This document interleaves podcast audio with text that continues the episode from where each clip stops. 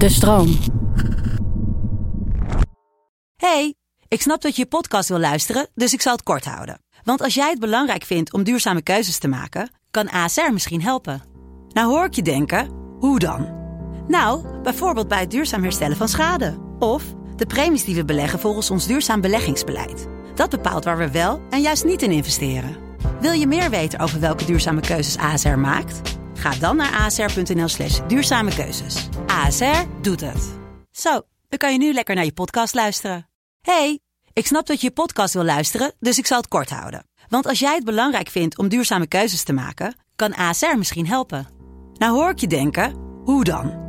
Nou, bijvoorbeeld bij het duurzaam herstellen van schade. Of de premies die we beleggen volgens ons duurzaam beleggingsbeleid. Dat bepaalt waar we wel en juist niet in investeren. Wil je meer weten over welke duurzame keuzes ASR maakt? Ga dan naar asr.nl slash duurzame keuzes. ASR doet het. Zo, dan kan je nu lekker naar je podcast luisteren. Leonardo DiCaprio was niet zo beroemd geweest als hij nu is, als de radar eerder was Ja, dat, is, dat is wel echt waar.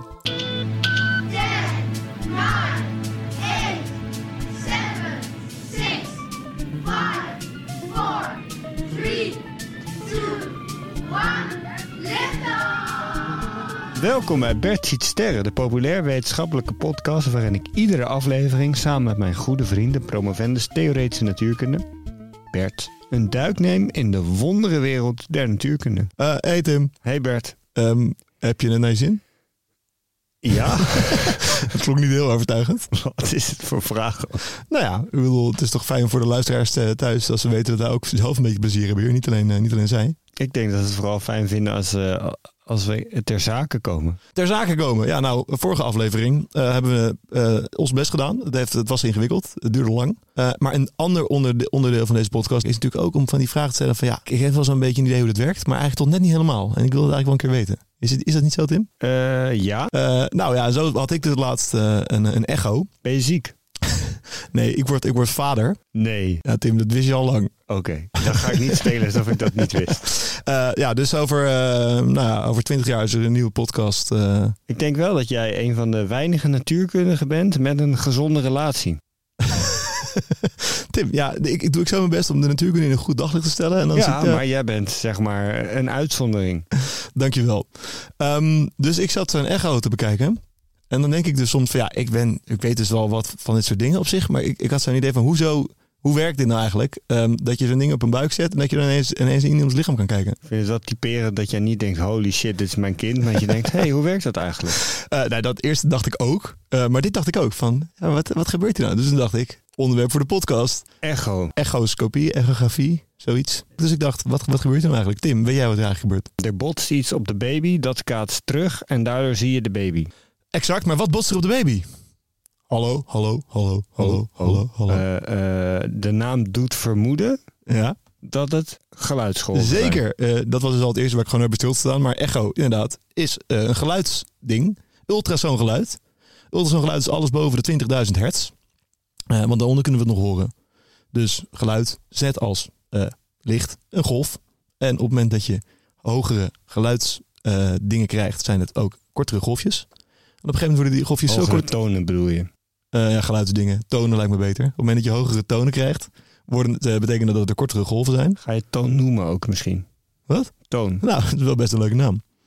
Ehm, dus tot die, eh, die 20.000 eh, hertz kunnen we dat nog horen. En dat zijn al rijk, vrij korte golven. En daarboven kom je in het ultrasonenspectrum. En dan kunnen we er helemaal niks meer van horen. Andere dieren soms nog wel. En dat soort geluidsgolven worden dus gebruikt bij een echo. Ehm, niet zomaar voor 20.000 hertz, maar dan nog wel weer verhogen. Tussen de 1 en 10 miljoen hertz. En het idee, wat jij al zei, klopt. Het is namelijk zo dat, het basisidee althans, dat die golven worden uitgezonden. En worden teruggekaatst. eh, en dat daarmee een beeld wordt gecreëerd. Ehm, maar kinderen kunnen hogere tonen horen dan oude mensen. Hè? Ja, dat is Dus waar. kunnen super jonge baby's in buiken niet toch dat ze vet doof worden van die. eh, Eh, nee, want het, nou ja, misschien wel als je net boven die 20.000 gaat zitten, maar dit zit dus een miljoen. Dus dat is nog wel weer even eens een keer. eh, Meer. dat is wel weer eh, significant meer dan 20.000. En dan? Nou, je hebt dus een apparaat, de zogenaamde echograaf. En daarin zit een onderdeel, de zogenaamde transducer.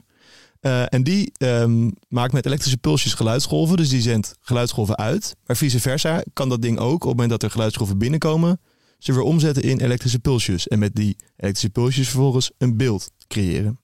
En dat ultrasone geluid, wat dus uit die echograaf komt, eh, die weerkaatst tegen bepaalde weefsels of organen en niet tegen alles in precies, precies dezelfde manier. En om het door het tijdsverschil te meten, want je weet hoe snel geluid ongeveer gaat in menselijk weefsel of in het menselijk lichaam, kan je door de tijdsverschil te meten tussen uitzenden en weer terugkaatsen, kan je dan zeggen van oh, op deze afstand zat iets. Maar hoe, waarom botst het wel op een baby en niet op de baarmoederwand? Zeg maar, het geluid zit tussen de 1 en 10 miljoen hertz. Dus dat zijn, eh, zeg maar, de golfjes worden steeds korter. Ehm, in het algemeen kan je stellen, zodra er een duidelijke verandering is in, in een soort weefsel. Dus als je bijvoorbeeld van een buik naar een blaas gaat of zo, van een buikvet naar een blaas, dan krijg je een verandering. En dan zullen er een deel van die golven terugkaatsen. En dat kan je dan dus zien. Maar dat is altijd een beetje korrelig, want sommige golven gaan natuurlijk wel door. En je hebt bijvoorbeeld ook dat lange golven, dus de wat, de wat eh, lagere, dus de golf van 1 miljoen hertz, die komen wat verder. Maar dat is ook wat minder precies, want ze zijn wat langer. Dus je kan er wat minder precies beeld mee creëren. Eh, en die kortere golfjes zijn weer preciezer, maar die komen weer minder ver. Dus daarmee krijg je een soort van verschillende schaduwen, eh, waardoor je, zeg maar, of verschillende tinten, waardoor je dus een, een beeld kan creëren. En dan zie je of je baby een beetje oké is. Onder andere, maar je kan er ook andere dingen mee zien met krachten gekomen. Ehm, heb je wel eens van het Doppler, Doppler effect gehoord? Ik denk het wel. Ja, Namelijk, ik- ja, iedereen die wel eens een ambulance voorbij heeft horen rijden, heeft wel eens van het Doppler-effect gehoord, in letterlijke zin van het woord. Ja, en met een echoscoop kun je dus ook van het Doppler-effect horen als je bloed door een eh, bloedvat ziet, eh, ziet stromen. Oh, dat is wel om te zien welke kant het op gaat. Exact. Dus zeg maar, wederom, het werkt, het werkt precies hetzelfde. Dus het is niet alleen maar dat dit soort dingen gebruikt worden voor eh, imaging bij zwangerschap, maar ook voor heel veel andere dingen om in je lichaam te krijgen. Op het moment dat je dus een zo'n ultrasoon eh, geluidssignaal in, eh, op een bloedbaan richt, die bijvoorbeeld van je afbeweegt, dan zal de rode bloedvaatjes, de rode bloedcellen, zullen dat geluid eh, opnemen en weer terugkaatsen. Maar zowel bij het opnemen als het terugkaatsen bewegen ze een stukje van je af. In dit geval dan bijvoorbeeld. Waardoor de golf enigszins uitgerekt terug zou komen. En door het verschil te meten tussen de golf die eruit gaat en de golf die terugkomt, kan je uit, afmeten hoe snel je bloed stroomt. Dit zou dus echt een goede fun fact geweest zijn. Dus ik ben benieuwd waar je zo meteen mee gaat komen. Eh, nou, die is misschien nog wel leuker. Ik heb zoveel fun facts. eh, die... Ik vind het wel echt vet. Ja, toch? Ja. Dus ehm, op deze manier is het allemaal een soort van door superhard geluid door je lichaam te sturen. En het is ook niet dat alles werkt. Bijvoorbeeld in spierweefsel, dat, dat absorbeert als het ware die geluidsgolf veel meer. Dat houdt het veel meer tegen. Dus op het moment dat jij eh, super gespierd gaat zijn, kom je Dus ook bij mij zou je niet zoveel zien. ja, misschien wel helemaal niks, Tim. Zie je gewoon één grote, krijg je gewoon een soort van bonk spieren terug. kan je beter een X-ray maken. Dat is, eh, dat is in jouw geval dan, eh, dan misschien handiger. Ehm, dus, eh, nou, dus dat vond ik toch even leuk om even uit te zoeken. Ehm, en toen heb ik me ook nog eens bedacht dat vleermuizen eigenlijk dus gewoon hun hele leven als echograaf waarnemen. Je hebt ook blinde mensen die dit doen, hè? Nee, niet toch? Echt waar, die doen zo.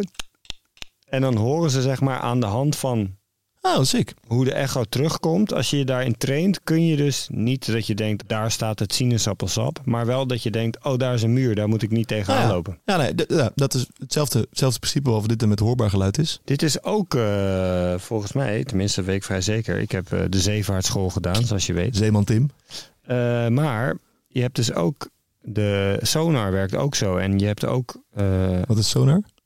Ja, onderwaterradar eigenlijk. En wat Dus is dan radar? kun je de zeebodem in kaart brengen. Ja, ja, ja. Dat werkt met geluid. Ja, Ah ja, geinig hè? sick. Dus dit is, eh, dit is gewoon iets wat we overal om zijn zien. Ehm, nou, overal. eh, in de zeevaart en in de babyvaart. Ja, Eh, lachen. Ehm, maar radar is dus wel even net weer wat anders trouwens. Want sonar is dan misschien dat je dus onder water met geluidsgolven doet. Maar radar heeft wel een belangrijk verschil. Namelijk dat het met... Magnetrongolven gaat. Precies, dat gaat met elektromagnetische straling. Is ook weer hetzelfde principe. Van dat je dus... eh, nou, trouwe luisteraars die weten dat inmiddels wel. Elektromagnetische straling, dat is licht. En daaronder en daarboven heb je het onzichtbare deel van het elektromagnetische spectrum. Eh, en als je licht op een spiegel laat vallen... dan zul je natuurlijk zien dat het terugkaatst. Dat heb je wel eens gezien. Eh, jezelf bijvoorbeeld. Bijvoorbeeld. Ehm, en nou ja, hetzelfde principe geldt ook voor golven in andere gedeeltes van het spectrum. Dus de radiogolven, dus de microgolven die eronder zitten. daar kan je dit ook mee doen. En het leuke van radiogolven is dat ze specifiek goed afkaatsen op eh, objecten die eh, stroom geleiden. Dus bijvoorbeeld metalen. Eh, dus bijvoorbeeld in de Tweede Wereldoorlog waren de Amerikanen en dergelijke druk bezig met, met hier aan sleutelen. Zodat je dus een elektromagnetische golf kan uitzenden die afkaatst op iets wat zeg maar van metaal is. Bijvoorbeeld een vliegtuig. Maar ook rotsen en zo kan je er gewoon mee zien, hè? Nee, zeker, zeker. Niet gewoon harde dingen. Nee, nee, het zijn wel niet, niet zeg maar, sommige dingen zijn wel, zijn, die specifieke radiogolven wel beter in dan andere. Maar inderdaad, bijvoorbeeld water of zo, dat, doet dat kun je er ook goed mee zien. Ehm, Ja. ja. En regenbuien. Ja, maar niet alles. Want ik, eh, zeg maar, het is zeg maar Nee, je moet wel serieus regen hebben.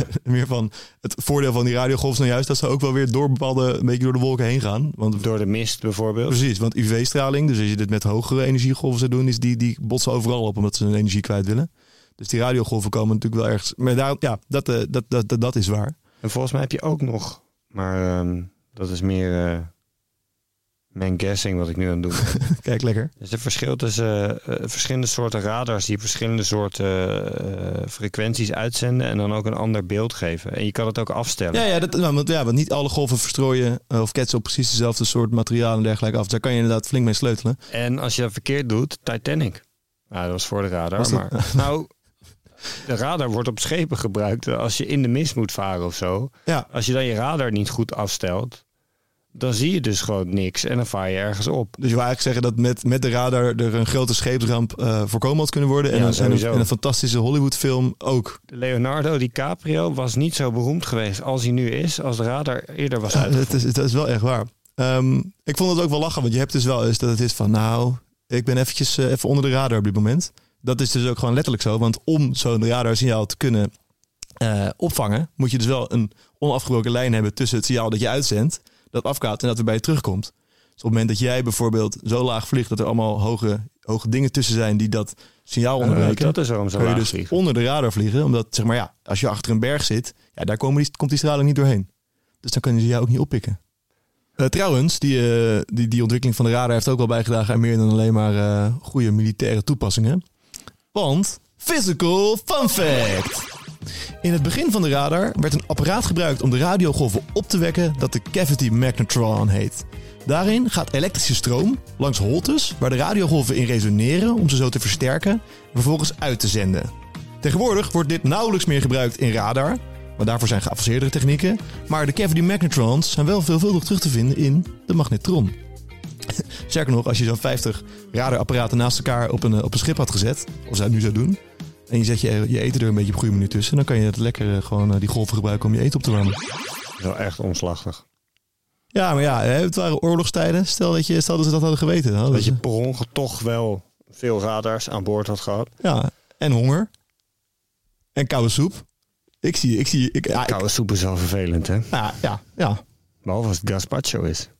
Dat is waar. Maar ja, hè, koude uiensoep of zo, wil je het niet? Nee, dan noem je ook wel echt een vieze. Koude erwtensoep. Ja, dus dan had je dan maar, hadden ze dan maar die radars gehad destijds. Zo zie je, we moeten meer investeren in wapens, Bert, en legertechnologie. Want misschien komt er wel weer iets uit wat je ook in de keuken kunt gebruiken. Eh, ja, nee, laten we dit niet, eh, dit, hier ben ik het niet mee eens. Nee? Nee. Stel je voor dat je bijvoorbeeld met een gun blijkt dat je heel handig bonen in een pan kunt leggen. Ja, zo nee. ratatatata, Nee, nee, zo bonen in de pan. Zo simpel is het niet. Bovendien, je hebt ook van die radarpistolen waarmee je dus met dat Doppler-effect kan meten hoe snel eh, auto's gaan. Dus door, door de zelfontwikkelingen kan jij niet lekker scheuren in je volvatje. Ik, zou, ik ben daar wel blij mee hoor. Oké. Ik zou het echt eh, een zegen voor Nederland vinden als gewoon alle snelwegen in Nederland eh, trajectcontrole zouden hebben. Oké, nou, nee, in, dat geval, in dat geval zijn er voorlopig de radars dan niet waar ook heel veel goede toepassingen van zijn. Maar ik zeg nog steeds, laten we niet meer eh, militair onderzoek gaan, gaan financieren. Weet ik inmiddels genoeg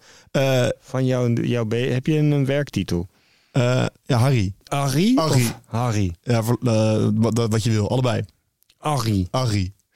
Eh, Oké, goed te weten. Weet ik inmiddels genoeg van eh, echo's, radars en that's it. Ik hoop het. Om de spacelift in te stappen. Eh, ik ben benieuwd. Dan stap ik in de Space Elevator. Dan start ik mijn supersonische sportswatch. En dan hebben we het over het gebruik maken van golven om dingen te zien. Dat kan bijvoorbeeld tijdens een echo. Als je vrouw meestal, als menstruerend mens zwanger is. Eh, dan ga je naar een echoscopist om een echo te laten maken. Om te kijken of de baby in de buik wel gezond is.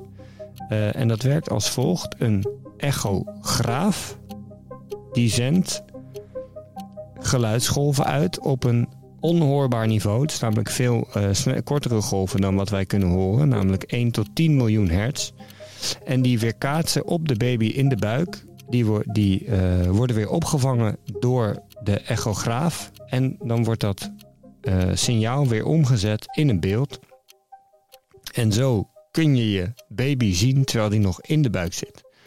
Een radar op een schip werkt ongeveer hetzelfde, alleen maakt gebruik van elektromagnetische golven. Eh, die gaan veel sneller.